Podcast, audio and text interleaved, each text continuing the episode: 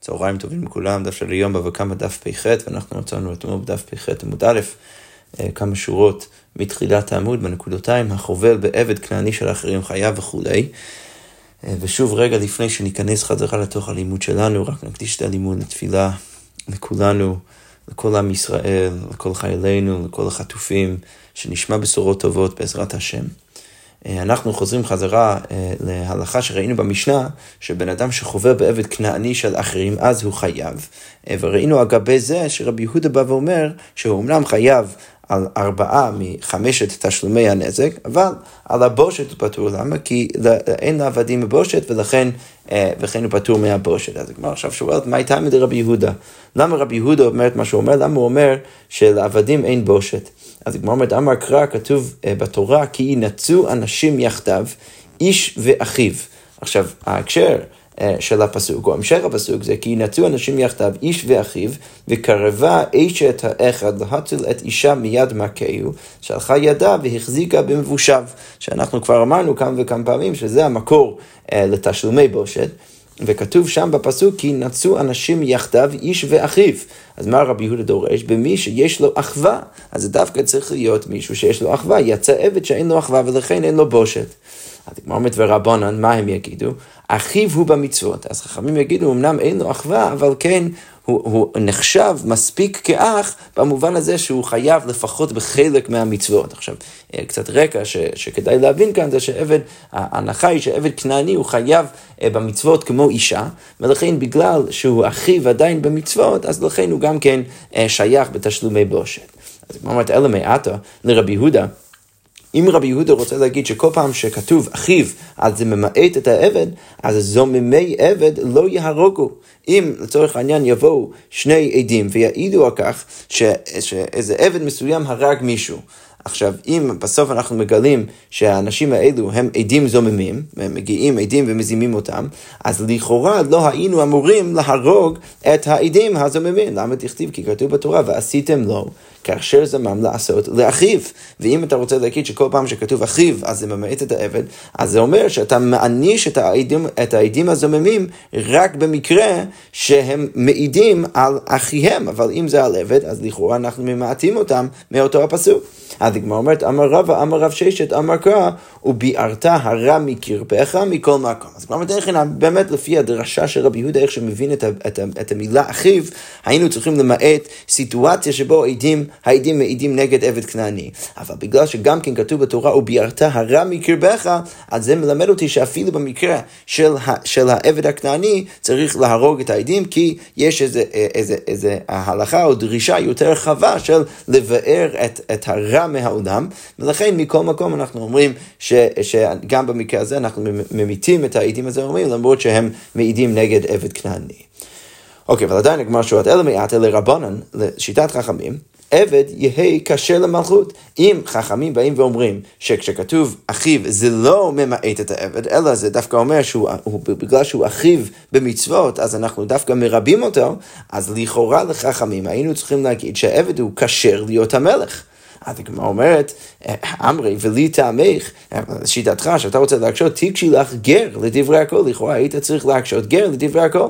כי למה? כי הרי הגר הופך להיות אחיך במצוות, וזה כולם מסכימים, גם חכמים וגם רבי יהודה, ולכן גם הוא היה אמור להיות להיות קשה להיות מלך. עכשיו, מה הבעיה עם כל זה? למה אנחנו מניחים שעבד וגר לא יכולים להיות מלך? כי הרי כתוב בתורה, מקרב אחיך אתה יכול לבחור מישהו להיות המלך שלך, רק אם הוא מקרב אחיך, ומהדין הזה אנחנו ממעטים את העבדים וגם את הגרים.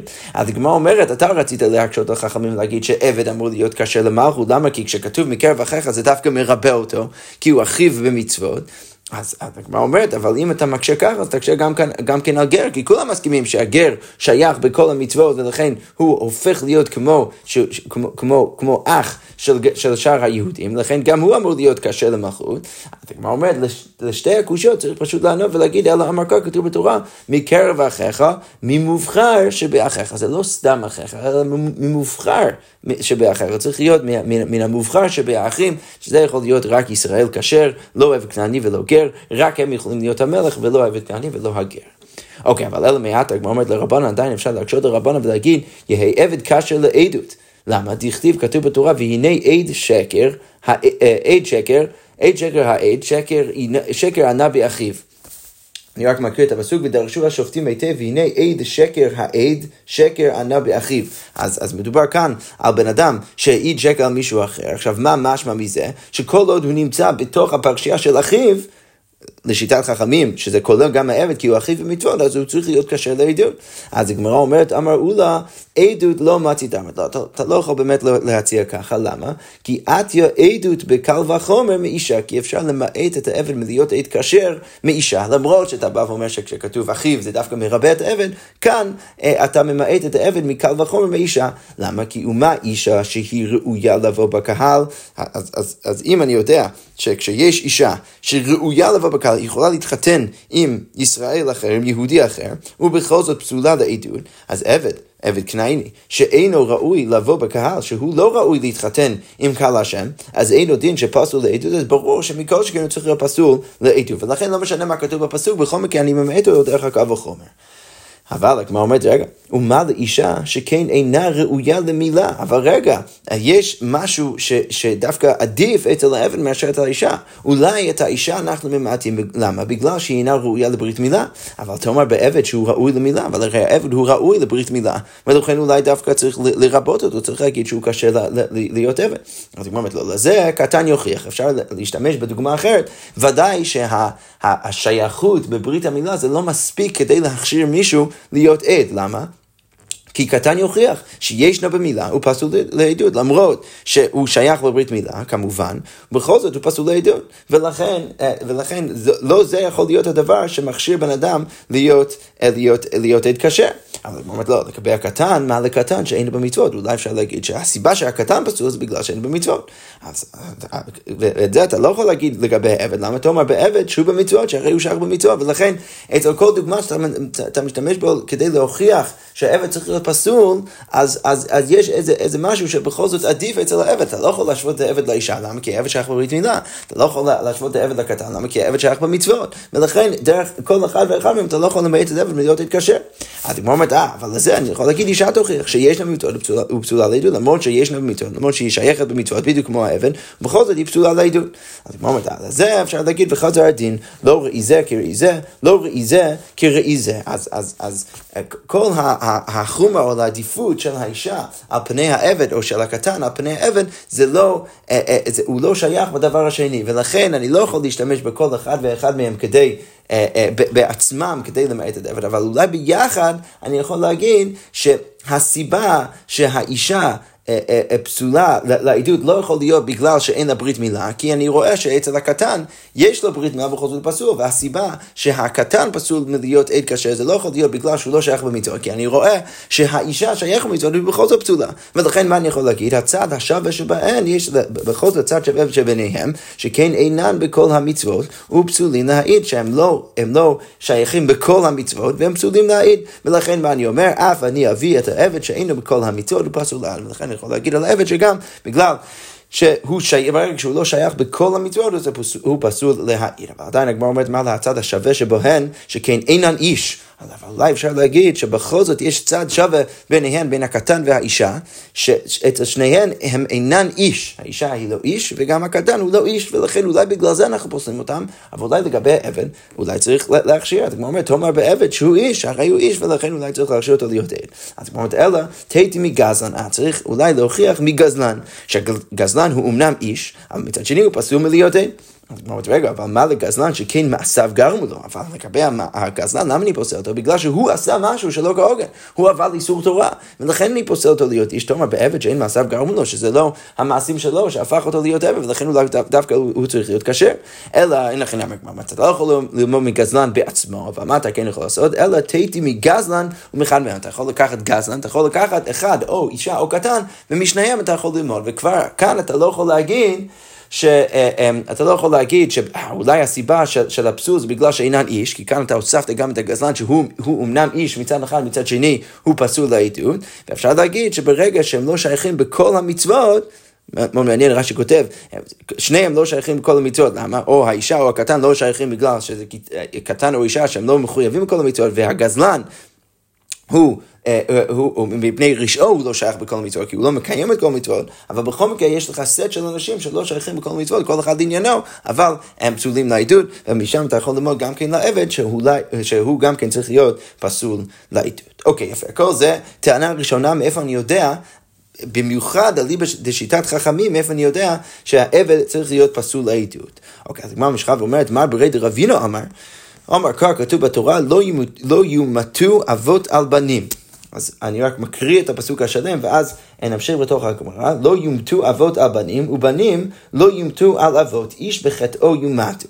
לכאורה משמע מהתורה ש, ש, שבן אדם לא אמור לקבל עונש בעקבות מה שאבא שלו עשה, הוא לא אמור לקבל עונש בעקבות מה שהבן שלו עשה, אלא כל אחד מקבל עונש כפי החטא שלו. אבל חכמים, חז"ל מבינים ש, שהפסוק, איך שלא נחתוך את הפסוק, אנחנו נתלבט מאוד איך בדיוק להבין אותו, אבל איך שלא נחתוך את זה, הפסוק בעצם מדבר על עדות, הוא מדבר על היכולת של הבן להעיד משהו נגד האב, או על האב להעיד משהו נגד הבן. עכשיו, איך מר, בר, אה, מר ברי דרבינו רוצה לפרש, בא ואומר, כתוב בתורה לא ימתו אבות הבנים, מה הדרשה? לא יומתו על פי אבות שאין להם חייס בנים. אתה, בן אדם לא יכול למות על פי עד, על פי בן אדם שאין לו חייס בנים, שאין לו ייחוס לילדים שלו. עכשיו זה בעצם, זה עבד, כי לגבי עבדים, אנחנו אומרים שאין להם ייחוס, כי הם לא באמת שייכים לילדים שלהם במובן המשפחתי, הילדים שלהם גם כן הופכים להיות עבדים, גם כן גויים, וכולי וכולי, ולכן בגלל שהם לא שייכים לבנים שלהם, אז אולי צריך לפסול אותם מלהיות עדים קשיחים. אז כמו אומרת ככה, דאי סלקא דייתא כדאמרינן, אולי רצית לפרש את הפסוק לא ככה, אלא כמו שאנחנו בדרך כלל מפרשים את הפסוק, שמה? לא יומתו אבות על בנים בעדות בנים. אז, אז, אז אם רצית לפרש ככה, שהפסוק באמת רוצה להגיד שאתה לא יכול להרוג אבא על סמך העדות של הבן שלו, לכתוב רחמנה לא יומתו אבות על בניהם. היית צריך להגיד שהאבא לא אמור למות על, על, על פי או על סמך העדות של הבן שלו, לא, לא יומתו אבות על בניהם. מהי בנים? למה כתוב בנים ולא כתוב בניהם? בטח זה בא ללמד אותי שצריך להבין את הפסוק אחרת, שמע מינה דלא יומתו על פי אבות שאין להם חייס בנים. ככה אתה צריך לקרוא את הפסוק, שזה ממעט את העבד, זה פוסל את העבד מלהיות עד כשר. אז כמו רגע, אבל אם אתה רוצה לפרש ככה, אלא מעתה, ובנים לא יומתו על אבות, הכנמי לא יומתו על פי בנים שאין להם חייס אבות. הגמרא אומרת, רגע, אבל אם אתה רוצה ככה לפרש את החצי הראשון של הפסוק, שוב, מה כתוב בהמשך הפסוק? לא יומתו אבות הבנים, כשכרגע מרד ברד רבינו רצה להגיד שהפסוק הזה, החלק של הפסוק הזה מדבר על העבדים. אבל מה כתוב בהמשך? ובנים לא יומתו על אבות. אז בטח אתה תצטרך להסביר אותו דבר גם שם. ש, ש, שמה צריך לפרש? שבן לא יכול, אתה לא יכול להמית בן על, על, על סמך עדות שעל פי בנים שאין להם חייס אבות. אתה לא יכול להעמיד מישהו על סמך מישהו אחר, על עדות של מישהו אחר שאין לו חייס אבות. שזה לכאורה מי ממעט, אז הגמרא אומרת, אלא גר, אחי נמי דפסו לעדו, זה לכאורה, אם היינו אומרים את זה, היינו צריכים לסלול את הגר, למה? כי גר זה מישהו שאין לו חי סבות, הוא לא שייך לאבא שלו. למה? כי גר, גר שהתגייר כקטן שנולד דמי, ולכן הוא כבר לא שייך לאבא שלו, ולכן אם ככה אני באמת קורא את הפסוק, אז הייתי צריך לפסול את הגר מלהיות עד כשר, וזה כמובן אנחנו לא אומרים. אז הגמרא אומרת, אם אתה רוצה ככה לפרש את תחילת הפסוק, לא ימתו אבות על שאתה לא יכול להמית מישהו על סמך עד, עדות של, של, של, של אבא שאין לו חייס בנים, אז היית צריך לפרש גם כן ככה את המשך הפסוק, ובנים לא ימתו על אבות, אתה לא יכול להמית מישהו על בן אדם שאין לו חייס אבות, ודרך זה היית צריך למעט את, את הגרם להיות עד כשר. הגמרא אומרת לו, אמרי, הוכי השתא, באמת אתה רוצה להגיד ככה, גר, נהי דאין לו חייס למעלה, למטה יש לו חייס. אמנם אין לו חייס למעלה, הוא לא שייך כבר לאבא שלו, אבל כן יש לו ייחוס למטה, יש לו בן. ולכן הוא צריך להיות קשה לעדות לפוגי עבד, אין לו חייס לא למעלה ולא למטה. כמו אומר ככה, דאיסט על כותית על גר פסול לעדות, כי אם רצית להגיד שהפסוק בעצם מלמד, רוצה ללמד אותי שהגר פסול לעדות, אז מה הייתי צריך להגיד בפסוק? לכתוב רחמנה, לא יומתו אבות על בניהם. לכי דאמרין. היית צריך להגיד בתורה, לא ימותו אבות על בניהם. כמו, אה, כמו שאנחנו בדרך כלל מפרשים, לא ימתו בעדות בנים, שאתה לא יכול להעמיד אבא על סמך העדות של הבן שלו, ונכתוב רחמנו, ובנים לא ימתו על אבות, ואז היית צריך להגיד אחרי זה, שבנים לא, לא יומתו על אבות, שאז מה הייתי לומד משם? דשמת מינה, דשמת מינה תרי, שהייתי יכול ללמוד משם שני דברים. חדה, לא יומתו בנים בעדות אבות, שאתה לא יכול להמית בן על סמך העדות של אבא שלו, ואידך, לא יומתו על פי בנים שאין להם חייס אבות, וגם כן, שאתה לא יכול להמית מישהו על פי העדות של מישהו אחר שאין לו חייס אבות. ואז מה הייתי יכול לדעת? הייתי יכול לדעת שני דברים מהפסוק. א' כל, שאתה לא יכול להעמיד מישהו על סמך העדות של אבא שלו או של הבן שלו, וגם כן אתה לא יכול להעמיד מישהו על סמך העדות של מישהו שאין לו חי סבות, שאין לו ייחוס דרך אבא שלו, שמי זה? זה הגר. ואז מה הייתי יכול ללמוד משם? ועבד, נפקא לבקו וחומר, ואז הייתי יכול ללמוד משם קו וחומר לעבד, מגר. ומה לגר דלמעלה הוא דאין לו חייס, אבל למטה יש לו חייס פסול, פסול לעדות. אז, אז אם לגבי הגר, ש... רק אין לו ייחוס למעלה, אבל למטה יש לו ייחוס, ובכל זאת פסול לעדות, אז עבד שאין לו חייס לא למעלה ולא למטה, אין לו דין שיהיה פסול לעדות, ברור שצריך לצור אותו גם כן מהעדות. ולכן, אם רצית ללמוד לגבי הגר, אז היית צריך לכתוב את הפסוק ככה. אבל אלא, מדכתב רחמנה לא יומתו אבות על בנים, דמשמע לא יומתו על פי אבות שאין להם חייס בנים, אז שמע מינה, מה אני יכול ללמוד משם? עבד שאין לו חייס לא למעלה ולא למטה הוא דפסל. דווקא עבד שאין לו ייחוס לא למעלה ולא למטה הוא פסול לעדות.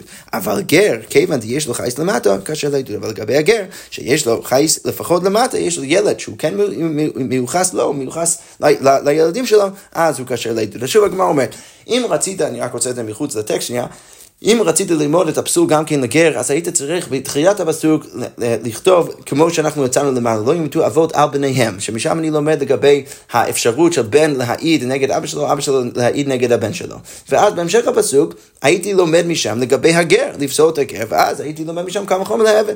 אבל זה שמתחילת הפסוק לא כתבת לא יומתו אבות על בניהם, וכתוב, וכתבת לא יומתו אבות על בנים, אז, מש, אז משם אני כבר יודע שמשם אני צריך ללמוד לעבד ולא לגר. ולא גם כן לשאלה של הבן שמעיד נגד אבא שלו, ולכן ברגע שאני לומד לעבד, אז אני כבר יודע שהפסוק טרחה להגיד לי שדווקא העבד פסול, אבל, אבל אפשר לדייק משם שדווקא העבד פסול, והגר הוא כשר לעדות. והגמר אומרת, וכי תימא לכתוב ובנים לא יומתו על אבותיהם. אז אולי היית צריך להגיד אה, בהמשך הפסוק, ובנים לא ימתו על אבותיהם, כי בעצם מה אתה רוצה ללמוד מסוף הפסוק? שבנים לא ימתו על אבות, אתה רוצה לפרש שאתה לא יכול להעמיד בן על סמך העדות של אבא שלו. אבל כמו שבתחילת הפסוק אתה אמרת שאם זה מה שאתה רוצה ללמוד מהפסוק, אז במקום להגיד לא ימתו אבות על בנים, היית צריך להגיד לא ימתו אבות על בניהם, אז כמו כן בהמשך הפסוק, אם אתה רוצה ללמוד משם שאתה לא יכול להעמיד בן על סמך העדות של אבא שלו, היית צריך להגיד ובנים לא ימתו על אבותיהם. אז הגמרא אומרת, למה לי דכתב רחמנו ובנים לא ימתו על אבות, דמשמע לא ימתו על פי בנים שאין להם חייס אבות, שבאמת משמע משם, אה, שאני צריך להסביר שמדובר על מישהו שאתה ממית אותו על סמך העדות של מישהו שאין לו חייס אבות, ולכן לכאורה הייתי צריך למעט את הגר. הגמרא אומרת, הגמרא שואלת שאלה לגיטימית, זה מאוד יפה הלוגיקה שאתה בא ואומר, אבל לכאורה בכל זאת מהפסוק, מהשפה של הפסוק הייתי צריך ללמוד למעט את הגר. אז הגמרא אומרת, לא הייתי דכתב לא ימתו אבות הבנים, כתב נמי, ובנים לא ימתו על עבודה. זה שכתוב בהמשך הפסוק, בנים לא ימתו על אבות ולא כתוב בנים לא ימתו על אבותיהם, זה רק כדי להיות עקבי מה שכתוב בתחילת הפסוק. ובאמת בתחילת הפסוק כתוב לא ימתו אבות הבנים, כי באמת זה נצרך, כי לא, אנחנו לא רוצים ללמוד משם שאתה לא יכול להמית אה, אה, אבא על סמך העדות של הבן שלו, אחרת באמת היה צריך להיות כתוב לא ימתו אבות על בניהם, אלא משם אנחנו לומדים למעט את העבד, שאתה לא יכול להמית מישהו על סמך העדות של מישהו שאין לו חייס בנים. ולכן אנחנו ממעטים שם את העבד. עכשיו, כשאנחנו מגיעים לסוף הפסוק, ששם אנחנו באמת רוצים ללמוד לגבי העדות של האבא מול הבן או הבן מול האבא, אז למרות שהיינו לכאורה אמורים להשתמש בניסוח אחר, בכל זאת השתמשנו באותו ניסוח כמו, כמו תחילת הפסוק, רק כדי להיות עקבי עם תחילת הפסוק. יפה. אז זה ככה סוגר את הסוגיה הטיפ-טיפה אה, מסובכת לגבי השאלה של העבד, אם הוא קשה לעדות או לא, וכל זה אה, בעצם הגיע מהשאלה של רבי יהודה, ש, שאנחנו שאלנו מה, מה הסיבה, מה, מה הסברה של רבי יהודה שבא ואומר שהעבד אין לו בושת, ואמרנו שרבי יהודה אומר, ש, אה, כי כתוב בתורה כי נצאו אנשים יחדיו, איש ואחיו, ומי שיש לו אחווה, יצא עבד שאין לו אחווה, הוא ממעט את העבד מזה שכתוב אחיו, וחכמים באו ואמרו לו דווקא כשכתוב אחיו, אז, אז בעצם זה אולי מרבה את העבד כי הוא אחיו במצווה, ולכן ולכן דווקא צריך לרבות אותו, משם אנחנו התגלגלנו לשאלה של לחכמים, שהם באים ואומרים שאחיו זה מרבה גם כן את העבד, מאיפה אני יודע בכלל שהעבד אה, פסול, ולמדנו את זה בשני מקומות, למדנו את זה גם כן מקל וחומר, סלש לימוד, אה, אה, מה הצד, אה, אה, אה, למדנו את זה מקטנה, אישה וגזלן, ולמדנו את זה גם עכשיו מהפסוק של לא ימותו אבות על בנים. אוקיי, יפה. אז כל זה לגבי העבד, עכשיו אנחנו ממשיכים עם המשך הדיון במשנה, שראינו שם במשנה, חירש שוטה וקטן, פגיעתן אה, רעה וכולי וכולי. שדיברנו שם על uh, כל מיני סיטואציות שלגבי חירש שוטה וקטן, פגיעתן רעה, שאם מישהו חובל בהם אז הוא חייב, והם שחבלו באחרים אז פטור, וכמו כן אישה גם כן, אם היא חובלת במישהו, uh, במישהו אחר אז היא, היא פטורה, לפחות כרגע, ומישהו חובל בה, אז הוא חייב. עכשיו, הדיון במשנה בעצם אה, פותחת דיון סביב השאלה של הנכסים ששייכים לאישה כשהיא נשואה. כי כתוב במשנה, כשהיא חוברת במישהו אחר, היא פטורה כרגע, אבל לאחר שהיא תתגרש, אז אנחנו מניחים שהיא תקבל כל מיני נכסים, ואז היא באמת תהיה חייבת לשלם על החבלה שהיא גרמה בעוד שהיא הייתה נשואה. אז דרך הדיון הזה במשנה, אז הגמרא עכשיו פותחת את הדיון הבא. הגמרא מספר ככה, אימי דרב שמואל בר, בר אבא מהגרוניה, הווה נסיבה לרבי אבא. אז, אז האימא של רב שמואל בר אבא הייתה אה, נשואה לרבי אבא, וכתבתינו לנכסי לרב שמואל בר אבא בירה. אז היא כתבה בעוד שהיא הייתה נשואה לרבי אבא, היא כתבה חלק מהנכסים שלה לרב שמואל בר אבא. היא רצתה להביא את הדברים האלו במתנה להבן שלה. עכשיו, למה שהיא תרצה להגיד, לעשות את זה? אז היא תרצה לעשות את זה כי אם היא תמות, אז אנחנו יודעים שהדין הוא שהאבא קודם כל יורש את אשתו. עכשיו, או הבעל יורש את אשתו, ולכן רבי אבא היה הוא שבאמת היה יורש את האישה, את האימא של, אה, רבי, של רב שמואל בר אבא, ולכן הנכסים שלה לא היו עוברים לבן שלה, אז כדי לוודא שהנכסים ילכו לבן שלה, במקום ללכת לבעלה אחרי שהיא נפטרה, אז היא כתבה, את, היא כתבה, אה, אה, או היא נתנה את הנכסים שלה עוד בחיים שלה, כמתנה לבן שלה, כשעוד, כש, כשעוד היא הייתה בחיים וגם הייתה נשואה לרבי אבא. עכשיו, הדבר הזה הוא יחסית מסובך לעשות, למה? כי כי, כי כש, כשאישה נשואה למישהו, אז זה אומר שבעצם יש זכויות לבעלה בתוך הנכסים שלה. עכשיו, כאן אה, רש"י אה, מבין, וככה המפרשים מסבירים, שמדובר כאן על נכסי מלוג. אז מדובר כאן על נכסים שיש לאישה, שהם נקראים נכסי מלוג, תכף אנחנו נסביר אה, מה זה, ואותם נכסים היא ניסתה, אימא של רב שמואל בר אבא ניסתה לכתוב רב שמואל בר אבא. עכשיו, מה זה הם נכסי מלוג? נכסי מלוג זה נכסים שבגוף של הקרקע הם שייכים לאישה, אז באמת הנכסים שלה, אבל יש לבעלה זכות לאכול את הפירות של הדברים האלו. אז עכשיו השאלה היא, האם כשהיא כתבה את הנכסים האלו לבן שלה, האם באמת הייתה לה זכות לעשות את זה או לא. עכשיו, מה נפקא מינה? נפקא מינה תהיה, כשהיא מתה, האם באמת אנחנו אומרים שהיא היא, היא הצליחה להביא במתנה את נכסי מלוג לבן שלה, ולכן עכשיו רב שמואל באבא אמור לקבל אותם? ומצד שני אפשר להגיד לא, לא הייתה לה באמת אי פעם זכות להעביר את הנכסים שלה מהרשות שלה לבן שלה, כי באמת כל הזמן לבעלה, לרבי אבא, היה זכות בפירות של הנכסים, ולכן אחרי שהיא נפטרה, הוא אמור לקבל אותם ולא הבן שלה. עכשיו, מה כמובן באמת קורה אחרי זה? אז, אז, אז אחרי זה יש סכסוך. אז הגמרא מספרת, בתו את השכיבה אחרי שהיא נפטרה, אז הגמרא מספרת, אזל אה, רב שמואל בר אבא קמי דרבי ירמיה בר אבא, אוקמי בנכסי. אז רב שמואל בר אבא הולך לרבי ירמיה בר אבא, בא ומבקש ממנו את הנכסים, ובאמת הוא מביא לו את הנכסים. אז עכשיו רבי ירמיה בר אבא הביא את הנכסים של, של, של, של, של אימא של רב שמואל בר אבא לרב שמואל בר אבא. עכשיו, כנראה שמה הוא סובר? הוא סובר שכשהאימא שלו הביאה לו את הנכסים, היא באמת הצליחה לעשות את זה, למרות שלבעלה, לרבי אבא, הייתה זכות בפירות הנכסים, בכל זאת עכשיו, אחרי שהיא נפטרה, באמת הכל הצליח, זה עובר לרב שמואל בר אבא. אבל הגמרא מספרת, אז רבי אבא, שהוא בעצמו רוצה לקבל את הנכסים, אמרה למילתו קמי דרב הושע. אז הוא בא ומספר את כל הסיפור הזה לרב הושע, שואל אותו מה צריך לעשות. אז רב הושע אמרה קמי דרב יהודה, והוא מספר את הסיפור לרב יהודה.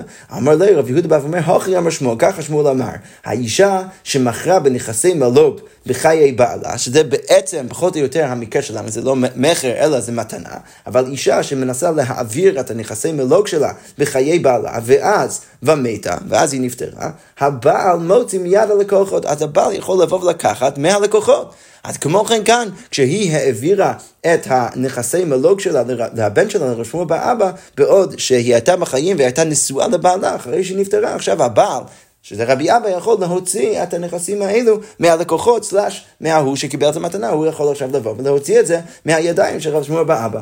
אז, אז הפסק הזה הוא לכאורה כנגד רבי ירמיה באבא, כי רבי ירמיה באבא רצה להגיד שרב שמואל באבא באמת מקבל אותם. אבל מה אומרת, אמרו הקמי רבי ירמיה באבא, אז אמרו את זה לפני רבי ירמיה בר אבא, בא ואומר לו, ובאים ואומרים לו, הרי שמואל לא פוסק כמוך, היית צריך להגיד לרב שמואל באבא להביא את הנכסים לרבי אבא. הדגמר אומרת, רבי ירמיה באבא בא ומגיב ככה, בא ואומר, אמר לו הוא. אנו מתנית ידענו, לא יודע מה, מה שמואל פסק, אני יודע שיש משנה, שעל סמך המשנה הזה אני פוסק אני, פוס, אני פסקתי את מה שפסקתי. עכשיו, מה שחשוב רק שנבין, רק אה, כ, כהקדמה למבנה של הגמרא בחלק הבא של הסוגיה, על המשנה הזאת יש מחלוקת בין המשנה שאנחנו תכף, uh, uh, תכף נקרא ביחד, יש מחלוקת בין רבי יוחנן וריש בדיוק איך להבין את זה, ובגלל שרבי ירמיה באבא מניח שאנחנו פוסקים במחלוקת הזאת בין רבי יוחנן וריש לקיש על גבי המשנה שאנחנו הולכים עוד שנייה לקרוא, אז, אז בגלל שאנחנו מניחים שאנחנו פוסקים כריש לקיש ולא כמו רבי יוחנן, אז בגלל זה רבי ירמיה באבא בא ואומר שהוא פסק את מה שהוא פסק. אוקיי, אז בואו ניכנס לתוך הסוגיה. דתנן, כתוב במשנה ככה, הכותב נכסיו לבנו לאחר מותו הבן אינו יכול למכור מפני שאין ברשות האב, והאב אינו יכול למכור מפני, ש... מפני שהם כתובים לבן. אוקיי, אז מה בדיוק המקרה? אז המקרה הוא בן אדם כותב נכסיו לבנו לאחר מותו. אז האבא בא ואומר, אני כותב במתנה שאחרי שאני מת, אני רוצה שאתה, הבן שלי, אתה תקבל את כל הנכסים שלי. עכשיו, כמובן, אנחנו נגיד את זה גם כן במפורש בהמשך הדף, אבל כמובן שלמה אבא יעשה דבר כזה? הרי אחרי הוא מת, בכל מקרה הבן שלו יורש אותו, אז כנראה שהוא יעשה את זה במקרה שיש לו יותר מבן אחד, יש לו מלא בנים, ואם הוא היה מת בלי לכתוב שום דבר, אז הם היו צריכים לחלק את הנכסים, ועכשיו, שהוא רוצה להביא את הנכסים רק לאחד מהבנים שלו, יכול לכתוב במתנה שאחרי שהוא נפטר, הכל הולך לבן אחד. אז זה מה שהוא עושה. עכשיו, אבל לענייננו, מה השאלה שעולה? השאלה שעולה זה מי, מה האבא והבן יכולים לעשות עם הנכסים האלו תוך כדי בבין לבין עוד שהאבא בחיים. אז שוב המשנה אומרת, הקודם נכנס לבנו לאחר מותו, הבן, כתוב שם במשנה, אינו יכול למכור מפני שהן ברשות האב. אז הוא לא יכול למכור את הנכסים בגלל שכרגע הם ברשות האב. והאב גם כן אינו יכול למכור למה? מפני שהם כתובים לבן, כי בסוף הם כתובים לבן, יש פה שטר שכותב שאחרי שהוא נפטר זה הולך לבן, ולכן גם הוא לא יכול עכשיו למכור את, ה, את הנכסים. עכשיו, אה, אה, המשנה משכה ואומרת, מחר האב מכורים עד שימות, אז אם האבא ניסה בכל זאת למכור, אז אנחנו אומרים שזה נחשב כמכור, הוא באמת הצליח למכור את זה, אבל עד שימות. אבל אחרי שהוא מת, הבן יכול לבוא ולקחת את הנכסים מהלקוחות. אוקיי, אם מכר הבן, אין לו לא לוקח עד שימות האב. אז, אז אם הבן ניסה למכור, זה יהיה בדיוק הפוך. אז הלוקח אין לו שום זכות ב... אה, בנכסים עד שמת האבא, וברגע שמת האבא אז באמת הבן מקבל את כל הנכסים האלו, ואז זה מפריע גם כן המכר שהוא מכר למישהו אחר אה, אה, מתקיים, והוא באמת מצליח למכור את זה ללקוח. אוקיי, עכשיו, מה צריך להבין משם? הגמרא אומרת, כי מית אב מיה איתלי ללוקח, ואף אגב דמת הבן בחיי האב, דלא עטו לידי הבן. הגמרא אומרת, וצריך להבין מהמשנה שמה, שכתוב במקרה כאן, שכשהבן מוכר בחיי האבא, אז הוא לא מצליח למכור, אבל כשהאבא מת, אז הנכסים כן עוברים ללוקח. עכשיו, מה אבל משמע מזה? משמע מזה, כי מה יתאב מיה איתלי ללוקח. אז משמע מזה שבכל מקרה, כשהאבא מת, הלוקח באמת מקבל את הנכסים. במקרה שהבן מכר לו, אחרי שהאבא נפטר, הוא באמת מקבל את הנכסים. עכשיו, הגמרא אומרת שזה, השאלה הזאת עכשיו שאנחנו הולכים להגיד אה, עוד שנייה, תלויה במחלוקת המוראים, כרגע אנחנו נניח שזה נכון. הוא אומר שזה נכון, אף אגב דמת הבן בחיי האב, למרות שהבן מת בחיי האב, דלא עטו לידי הבן, שהנכסים לא הגיעו לידיים של הבן, למה? כי הוא עוד נפטר לפני האבא. בכל מקרה, אחרי שהאבא נפטר, הנכסים עוברים ללקוחות. כי רבי שמעון בן לקיש, שזה מה שרבי שמעון אה, בן לקיש, מה שריש לקיש הסביר בתוך המשנה שם. אמר שרבי שמעון אמר, אה, שריש לקיש אמר, לא שנה מת האב, לא, לא שנה מת הבן בחיי האב, דלא עטו לידי הבן, לא שנה מת הבן, לא, סליחה. שמה רבי שמעון בן לקיש אמר, ריש לקיש אמר למשנה, שהוא אמר, לא שנה, הדין הזה, שהנכסים אחרי שהאבא מת, במקרה שהבן מכר אותם, הנכסים ש, ש, אה, שאחרי שהאבא מת, זה שהם עוברים ללוקח, זה יהיה נכון, לא שנה, מת הבן בחיי האב. לא, לא משנה אם הבן מת עוד לפני האב, זה לא עטו לידי הבן, שהנכסים לא עוברים לנכסי הבן, ולא שנה, מת האב בחיי הבן, וזה גם כן, זה לא משנה אם האבא מת לפני הבן, שזה המקרה יותר פשוט, עטו לידי הבן. בכל מקרה כאן הלוקח, בכל מקרה הלוקח קנה. עכשיו, מאיפה אנחנו יודעים בכלל שיש לוקיש אמר את זה? דיתמר, כי הרי אמרו על אותו המשנה, מכר הבן בחיי האב. ומת הבן בחיי האב. מה קורה בדיוק במקרה שלנו, שחשוב לענייננו, אם הבן מכר בחיי האב, ואז מת הבן בחיי האב. מה קורה אחרי שהאבא מת? האם הלקוח בכל מקרה מקבל את הנכסים או לא? אז הגמרא אומרת, בזה באנו למחלוקת בין רבי יוחנן ויש לוקיש. רבי יוחנן אמר לא כאן הלוקח, ויש לוקיש אמר כאן הלוקח. רבי יוחנן אמר לא כאן הלוקח, למה? כי אומר לך, הוא יגיד לך, כי קטני מתניתין מכר הבן לא קנה לוקח עד שימות האב. כשכתוב במשנה שכשהבן מוכר אז הלוקח מקבל רק אחרי שהאבא מת, זה דווקא במקרה שהבן מת, שהאבא מת לפני הבן, ולכן באמת הבן קיבל את הנכסים, ואז זה עובר ללוקח. אבל אם הבן מת ראשון, אז ברור שהוא לא אי פעם קיבל את הנכסים, ולכן אחרי שהאבא מת זה לא הולך ללוקח. אז הגמרא אומרת, כי קטני מתניתין, מחר הבן לא קנה לוקח עד שימות האב, וחימה את האב אית ללוקח, זה דווקא דלא מת הבן בחיי האב. דעת על ידי הבן זה דווקא במקרה שהאבא מת ראשון. אבל מת הבן בחיי האב, אבל במקרה שהבן מת ראשון, אז אה, אה, סליחה, אז כמו אומרת, אבל מת הבן בחיי האב, דלא עטו ליד הבן, שהנכסים בכלל לא הגיעו לידיים של הבן, אז כי מה יתאב, כי מה יתאב נמי, לית לוקח. אז גם כן, כשה... אה, כשהאבא מת, אז גם כן הלוקח לא יקבל. עכשיו, מה אני מסיק מזה? מה אני מסיק משיטתו של רבי יוחנן? הגמרא אומרת, עלמא כסר ולכאורה משמע מזה שרבי יוחנן סובר קניין פירות כקניין הגוף דמי, שקניין הפירות זה נחשב כקניין הגוף. וכי לאו דידי זבין. אוקיי, אז בואו רק נחשוב. כשהאבא נותן את הנכסים לבן שלו אחרי שהוא נפטר, מה הוא באמת עושה כאן? אז ההנחה הפשוטה היא שהוא מביא לבן את גוף הקרקע, ורק בעוד שהוא בחיים הוא משאיר לעצמו, לאבא, את, את הזכות לאכול את הפירות של הנכסים. עכשיו אנחנו מתחילים להבין איך זה יהיה קשור לענייננו. אבל, אבל בינתיים בואו רק נבין את שיטתו של רבי יוחנן. אז האבא הביא, העביר את הדברים לבן שלו אחרי מותו. זה משמע מזה שבכאן ועכשיו, כשהאבא עוד בחיים, הוא בעצם הצליח להעביר את, את גוף הקרקע לבן שלו, אבל הוא משאיר אצלו את הזכות לאכול את הפירות. עכשיו, רבי יוחנן לכן אומר שבמקרה שהבן מת ראשון, למרות שהוא ניסה למכור את זה למישהו אחר, במקרה שהוא מת ראשון, ורק אחרי זה האבא מת, והבן לא קיבל אי פעם את כל הנכסים, אז המכר שלו, המכר שלו לא הצליח.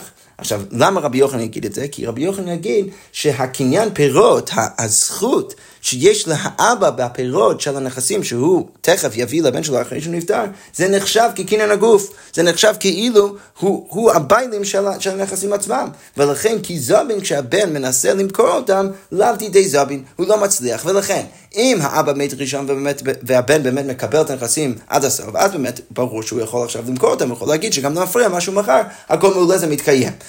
אבל אם הבן מת ראשון, והוא לא מקבל אי פעם את הנכסים, אז לאחר שהאבא מת, אנחנו לא אומרים שזה עכשיו עובר ללוקח. למה? כי באמת, כשהבן מכר את הנכסים, הוא לא באמת היה יכול למכור אותם. למה? כי האבא עוד שהיה בפירות של הנכסים, וקניין פירות כקניין גוף דם, ולכן באמת הבן אין לו שום זכות למכור אותם, ולכן זה לא עובד. אוקיי, כל זה רבי יוחנן. אבל רבי שמעון בן לוקיש אומר, כנ"ל לוקח. אז רבי שמעון בן לוקיש יגיד שאפילו במקרה שהבן מת ראשון עדיין אחרי שהאבא נפטר, כנ"ל לוקח. אה, סליחה, לא קראתי נכון. רבי שמעון בן לוקיש אומר, כנ"ל לוקח זה שכתוב במשנה, שהלוקח קונה, כי קטני מתניתין, מחר הבן אין ללוקח עד שימות האב, כי מה יתאב מי יתאית לילה לוקח, אז כשכתוב במשנה שכשהבן מוכר, אז הלוקח יקבל אחרי שאבא מת, אבל בכל מקרה, אחרי שאבא מת, בכל מקרה הלוקח כן מקבל את זה, אז השלוקיש אומר, לא שנה לא מת הבן בחיי האב, דעתו לידי דבן, אז זה לא משנה אם המת, הבן לא מת בחיי האב, ולכן הוא באמת מקבל את הנכסים, ולכן זה הולך ללוקח אחרי שאבא נפטר, ולא שנה מת הבן בחיי האב, וזה לא משנה גם כן, אפילו אם הבן מת בחיי האב, זה לא עתו לידי, שבכל מקרה הנכסים לא עוברים לידיים אה, שלו, אה, אה, סליחה, דלא עטו לידי דבן, בכל מקרה קנה לוקח, בכל מקרה הלוקח קנה, וזה עובר ללוקח אחרי שאבא נפטר, אפילו אם הבן לא קיבל אותם. עכשיו, מה משמע מזה? עלמא כסבר לכאורה משמע שריש לקיש צריך להגיד שקניין פירות לאו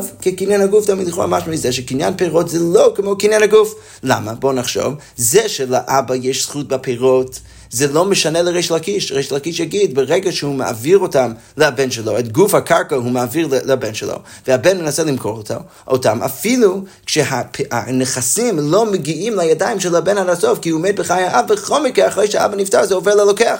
למה? כי זה שיש לאבא זכות בפירות, יש לו קניין פירות בתוך הקרקע, לאו כקניין הגוף דמי, זה לא נחשב כקניין הגוף, ולכן כי כזבין דידי כזבין, לכן כשהבן מוכר, אז באמת הבן מוכר את משהו, משהו, את הדבר שהוא באמת שלו, ולכן אחרי שהאבא נפטר, לא משנה אם הוא נפטר לפני או אחרי הבן, בכל מקרה זה ילך ללוקח.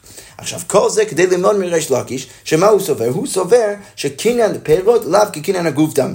אוקיי, עכשיו, אגבי זה, רבי ירמיה ואבא יגיד ככה, וענן השתא בין רבי ירמיה ואבא בין רבי יהודה כרבי שום בן לקיש ואילו, ורבי ירמיה ואבא, או גמרא אומרת, שלא משנה אם אנחנו הולכים לפי רבי ירמיה ואבא, או אפילו אליבא דרבי יהודה, שרבי יהודה פסק כנגד רבי ירמיה ואבא, בא ואמר שהנכסים צריכים ללכת לרבי אבא, כי הוא יורש את אשתו ולא לבן של, האישה, לא לרב שמואל באבא. אה, אבל בין, בין, בין לשיטתו של רבי ימי באבא, בין לרבי יהודה, הגמרא אומרת כי רבי שמעון בן לקיש הביא לו, אנחנו סוברים כמו רבי שמעון בן לקיש. שמה? שבאמת יוצא משם שקניין פירות לאו כקניין הגוף דמי.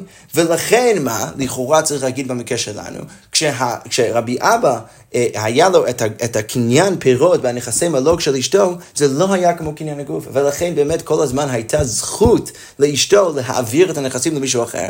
ולכן כשהיא העבירה אותם במתנה לבן שלה, אז ברור שאחרי שהיא נפטרה, הבן שלה אמור לקבל אותם ולא רבי אבא. אז הגמרא אומרת, ולכן, וכאמר רבי ירמיה באבא, איסתא גדאי תוך קניין פירות כקניין הגוף דמי. אם רציתי להגיד שקניין הפירות כקניין הגוף דמי, כי מה יתאב ומת הבן בחיי האב כשהאבא נפטר, אבל הבן עוד נפטר בחיי האב, אז מה איתלי ללוקח. למה שהלוקח יקבל? שוב, אם אנחנו פוסקים כרבי שמעון בן לקיש, אז זה לא משנה, בכל מקרה הלוקח מקבל.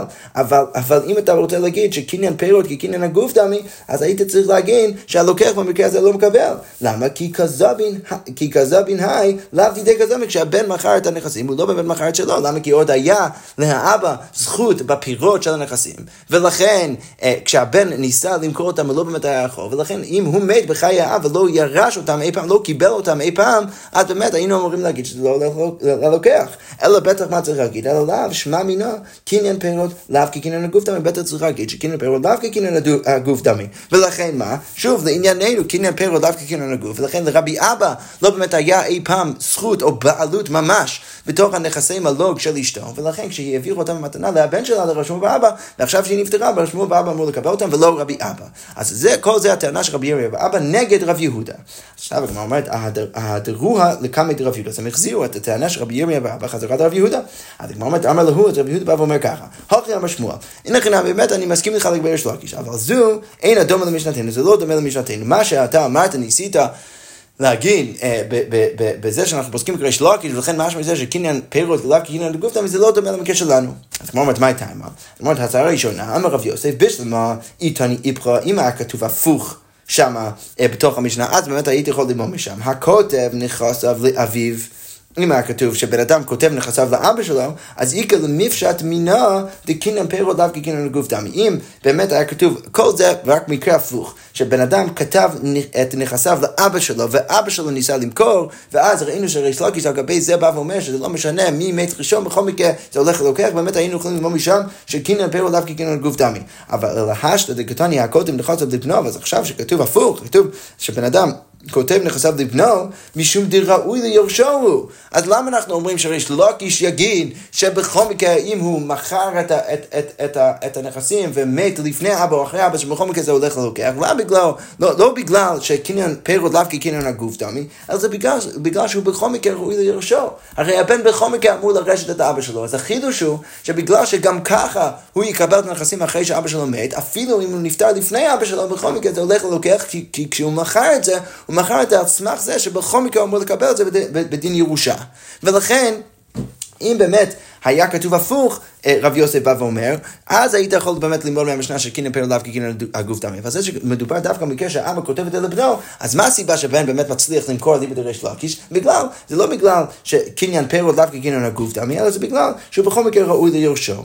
אז הגמרא אומרת לא, זאת לא באמת דחייה, למה? כי מה אני יכול להגיד? אמר לי אביי, אתו ברא יוריד אבא, אבא לא יוריד ברא, מה אתה רוצה להגיד שרק הבן יורש את אבא שלו, ולכן רק אם הכיוון הוא ככה, שהאבא כותב לבנו, רק אז היית יכול להגיד שהסברה שהלוקח בכל מקבל זה בגלל ראוי לירושו, אבל, אבל האבא לא יורש את הבן שלו, ברור שלא. כשה, כשאבא, כש, כשאין ילדים לבן, אז, אז האבא יורש אותו.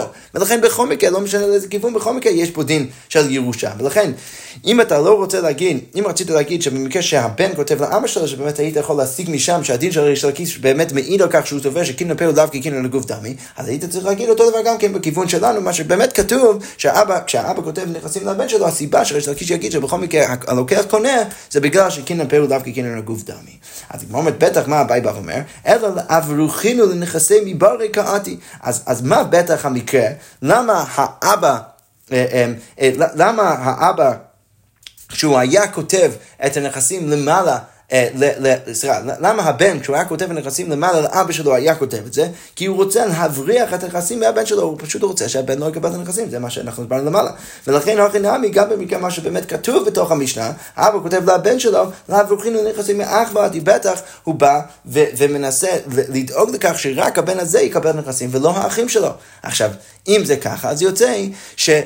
ש, שזה, שבאמת זה לא, הסיבה שהבן יכול אה, למכור את הנכסים, ו, ולא משנה אם הוא מת לפני אבא או אחרי אבא, אם האבא מת אז זה הולך ללוקח, זה לא בגלל שהוא ראוי ליורשו, כי בטח כל הסיבה שהאבא ניסה לכתוב את הנכסים של הבן שלו, לבן שלו זה, רק, זה דווקא בגלל שהוא לא רוצה שהנכסים ילכו לאנשים אחרים. זה בעצם אומר שהבן שלו לא באמת ראוי ליורשו. הוא אולי ראוי ליורשו לחלק מהנכסים, אבל לא את כולם. ולכן אה, ולכן לא יכול להיות הסיבה שאנחנו, ריש לקיש אומר שבכל מקרה הלוקח מקבל בגלל שהוא ראוי לירשו, כי כנראה שיש באמת אחים אחרים. מה הסיבה שריש לקיש בטח אומר שהוא, ש, שהלוקח מקבל, לא משנה אם הבן מת לפני אב או אחרי אב, בטח זה בגלל שקינן פירות לאו כקינן הגוף דומי. אז הגמרא אומרת, אלא, מה אין אדום למשלתנו? אוקיי, בסדר, אז דחינו את רב יוסף, שרב יוסף ניסה להסביר את, את רב יהודה, או סלש את שמואל, ששמואל רצה להגיד שזו אינה דומה למשלתנו. שמואל רצה להגיד שהמקרה של ריש לקיש הוא לא דומה לסיטואציה שלנו בין רב שמואל באבא ורבי אבא. עכשיו, רב יוסף ניסה להביא איזשהו אה, הסבר לזה, הוא רוצה להגיד, אתה לא באמת יכול לדייק, כי זה היה צריך להיות הפוך, אבל הבית דחה אותו. אז עכשיו אנחנו חוזרים חזרה לשאלה, מה אינה דומה למשלתנו? אז באיזה מובן... אנחנו אומרים שהמקרה של ריש לקיש לא דומה למקרה שלנו. אז נגמר משום תקנת אושה, אה, צריך להגיד שזה משום תקנת אושה. דאמר רבי יוסי ברבי חנינא, באושה התקינו האישה שמכרה מנכסי מלוג בחיי בעלה, ומתה הבעל מוציא, אה, ומתה, הבעל מוציא מיד הלקוחות. אז כמו אומרת, מה הסיבה שזה לא דומה? באמת זה דומה, באמת מריש לקיש אפשר ללמוד שקינן, הפירות לאו כקינן הגוף דמי, ובאמת היינו צריכים ליישם אותו דבר גם כן אצלנו, היינו צריכים להגיד שלבעל אין באמת זכות או בעלות בפירות ובנכסי מלוג, ולכן באמת היו אמורים לעבור לרשמו באבא, אלא שמה, יש תקנה שהתקינו באושה, שבכל מקרה שאישה מנסה למכור נכסי מעלוג שלה בחיי בעלה, אם אחרי זה היא נפטרה, אז הבעל מוציא מיד לקוחות, ולכן גם כאן הבעל אמור לקבל, רבי אבא אמור לקבל את הנכסים, ולא רב שמואל בר אבא. אוקיי, אז כמו אומרת, רק נסיים ככה, עוד כמה שורות. אמר רב אידי בר אבן, אבידי בר אבן, ואומר, אף עננה מתנין, אפשר גם כן להוכיח אותו דבר מהמקרה הבא. כתוב ככה בברייתא, מעידים אנו באיש פלוני שגירש את אשתו ונתן כתובתה. אוקיי, מגיעים שני עדים, מעידים על כך שמישהו גירש את אשתו ונתן כתובתה, והוא כבר שילם את הכתובה. אז בעצם באים ואומרים, ש...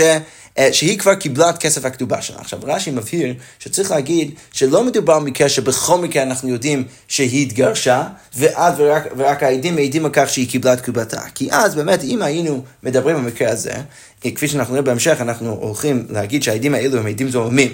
אז אם באמת היינו מזימים את העדים האלו במקרה כזה, ששוב, אנחנו יודעים שהיא גרושה, רק השאלה אם היא קיבלה את כתובתה או לא, והעדים מעידים שהיא קיבלה את כתובתה. אז באמת, אם היינו מזימים את העדים האלו, היינו מחייבים את העדים לשלם את כל כסף הכתובה לאישה. למה? כי באמת הם ניסו להפסיד לה את הכתובה, והכל היה פשוט. אלא שמה, כאן אנחנו לא יודעים שהיא באמת גרושה, אנחנו לא יודעים שום דבר. והעדים מעידים גם כן שהיא התגרשה, וגם כן שהיא קיבלה את כתובתה. עכשיו, כאן, אם אנחנו נגיד שהעדים האלו עדים זוממים, אז זה לא כזה פשוט לחייב אותם את כל כסף הכתובה, למה? כי הם לא בהכרח הפסידו לה את, את כסף הכתובה, גרמו לה להפסיד את כסף הכתובה שלה, למה? כי אישה שהתגרשה ודאי אמורה לקבל את, את הכתובה שלה, ולכן אם הם, הם ניסו להגיד שהיא כבר קיבלה, אז באמת הם, הם, הם, הם גרמו לכך, שניסו לגרמו לכך שהיא תפסיד את כל הכתובה, אבל כאן היא עוד נשואה. עכשיו, אישה נשואה לא בהכרח תקבל את הכסף של הכתובה שלה. למה? כי אם בעלה מת, או בעלה מגרש אותה, אז באמת היא אמורה לקבל. אבל אם היא מתה ראשון, אז היא לא אמורה לקבל את כסף הכתובה שלה, היא לא תקבל את כסף הכתובה. ולכן כאן בעצם ניסו להעיד על אישה שנשואה בכלל, וניסו גם כן להפסיד אותה לכתובתה, אי אפשר לחייב את העדים בדיוק באותו הסכום. אז, אז, אז, אז, אז השאלה שעולה, מה צריך לחייב את העדים האלו ברגע שאני מגלה שהם באמת עדים זוממים? אז הגמר אומר ככה, אז הם מעידים על הבן אדם שגירש את אשתו ונתן כתובתה, והרי היא תחתיו.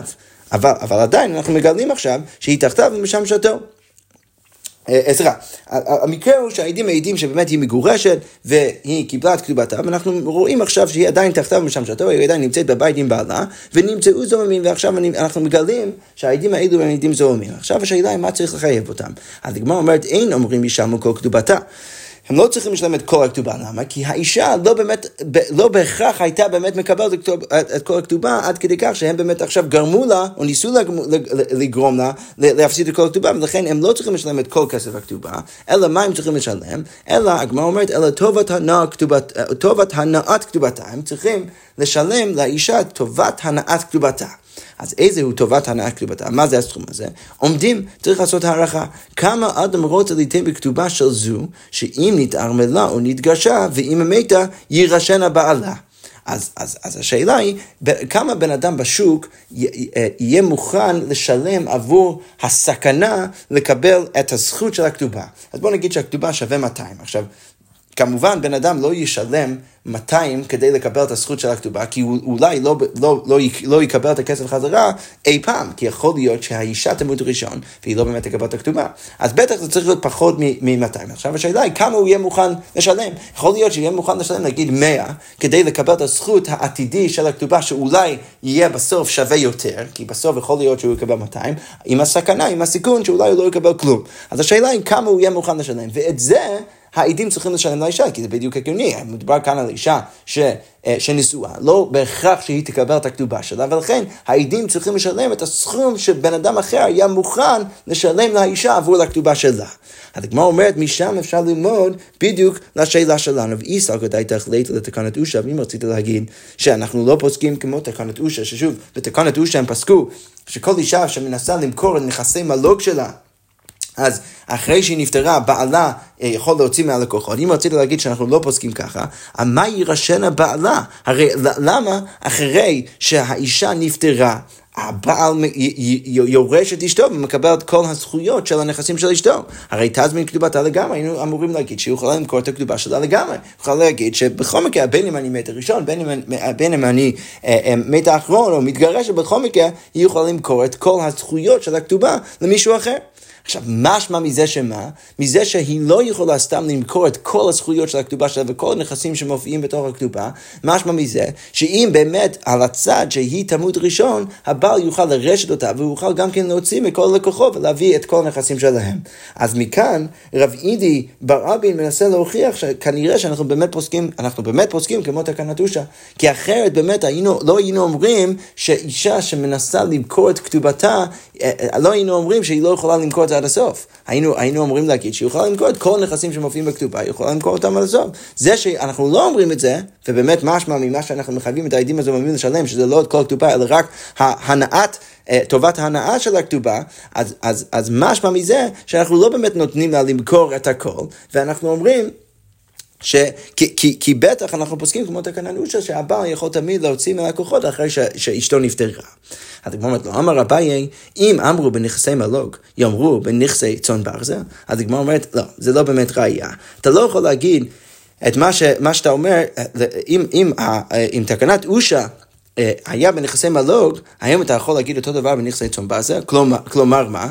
ולפני שאנחנו נבין את הבעיה, בואו רק נבין מה החילוק, מה ההבדל בין נכסי מלוג לנכסי באזל. נכסי מלוג, זה מה שהסברנו כל הזמן, זה נכסים שאישה מכניסה לתוך הנישואין, וזה נכסים שיש לבעלה זכות בפירות שלהם, אבל הגוף שייך לאישה. עכשיו, מה זה אומר? זה אומר שכשהזוג מתגרש, רחמנא ליצלן, אז הבעל לא צריך לדאוג לשום דבר, הוא פשוט מעביר את גוף הקרקע חזרה לאישה.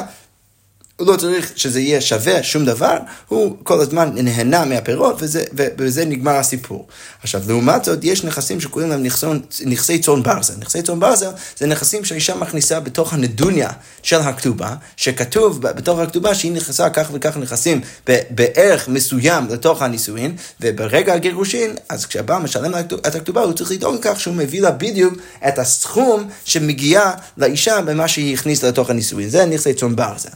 הגמרא כאן אומרת, לפני שנבין את עומק הסברה, הגמרא כאן אומרת לרב אידי בר אבא, בר אבין, אתה לא יכול להגיד, להביא הוכחה מה, מהיכולת או אי יכולת של אישה למכור את הנכסי צאן ברזל שלה מהכתובה, לגבי השאלה של תקנת אושר שבכלל שייך בנכסי מלוג, כי זה שני דברים שונים. אז שוב אני קורא ברש"י. אה, באי בא ואומר, אם אמרו בנכסי מלוג שתוכל למוכרן ואין הבעל מוציא מיד הלקוחות, אז אם לגבי נכסי מלוג הם, הם אמרו, אולי בהווה אמינא שלך, ש... אישה יכולה למכור אותם והבעל לא יכול להוציא מיד הלקוחות, יאמרו בנכסי צאן ברזל, האם אפשר להגיד אותו דבר לגבי נכסי צאן ברזל, והאטם ודאי לא מתאים מזלב, שם ברור שהיא לא יכולה למכור. למה? כי הבעל צריך לדאוג לכך שזה מה שהוא מחזיר לאישה דרך הכתובה. אז אומרת, אתה רב אידי בר אבן רצית להגיד בהווה אמינא, שאם באמת היינו אומרים לגבי נכסי מלוג, שהאישה יכולה למכור אותם והבעל לא יכול להוציא מיד לקוחות, אז היינו צריכים להגיד אותו דבר גם כן לגבי נכסון צאן ברזל מהכתובה. הבעל בא ואומר, אתה לא יכול להשוות. אפילו על הצד שאנחנו לא היינו פוסקים כמו תקנת אושה, שאנחנו היינו אומרים שהאישה יכולה למכור את נכסי המלוג שלה, זה לא בהכרח אומר שהיא הייתה יכולה גם כן למכור את הנכסי צאן ברזל שלה, ולכן זה שהיא לא יכולה למכור את הנכסי צאן ברזל, זה לא מעיד שום דבר לגבי, לגבי מה שאנחנו סוברים בנכסי מלוג, ולכן זה לא ראייה שאנחנו פוסקים כתקנת אושה. יפה. אז, אז זה ככה סוגר את השאלה של, ה, של תקנת אושה, ותקנת אושה אנחנו הבאנו רק כדי להבין מה החילוק בין הדיון סביב ריש לקיש ורבי יוחנן ורבי אבא ורב שמואל בר אבא. שרבי ירמיה בר אבא רצה להגיד שמזה שאנחנו פוסקים כריש לקיש, שקניין פירות לאו כקניין הגוף תמי, אז היינו צריכים להסיק מזה לגבי המקרה שלנו, שרב שמואל בר אבא אמור לקבל כל נכסים. כי באמת האישה יכולה להעביר את כל הנכסי מלוק שלה לבן שלה, ולכן היא אמורה לקבל אותם, כי הזכות שיש לבעל בפירות, מה שנקרא קניין, אה, אה, אה, קניין פירות זה לאו כקניין הגוף דמי, ולכן אין לו שום זכות למנוע מאשתו להעביר, להעביר במתנה את הדברים לבן שלה. אבל לזה ענה שמואל בא ואמר שבגלל שיש תקנת אושה, שתקנת אושה התקינו, שלמרות שקניין פירות לאו כקניין הגוף דמי, הם התקינו שלגבי ספציפי נכסי, נכסי מלוג, אנחנו אומרים ש, שכל מה שהאישה מוכרת, הבעל יכול להוציא מיד לקוחות, ולכן גם כאן, כשהיא ניסתה להעביר אותם לבן שלה, לרשום באבא, אחרי שהיא נפטרה, רבי אבא יכול לבוא ולקח אותם משם, כי באמת לא הייתה לה באמת את הזכות אי פעם למכור או להעביר במתנה את הנכסי מלוג שלה. יפה, אנחנו נעצור כאן ונמשיך ברבת השם עם המשך הסוגיה. שקוייך.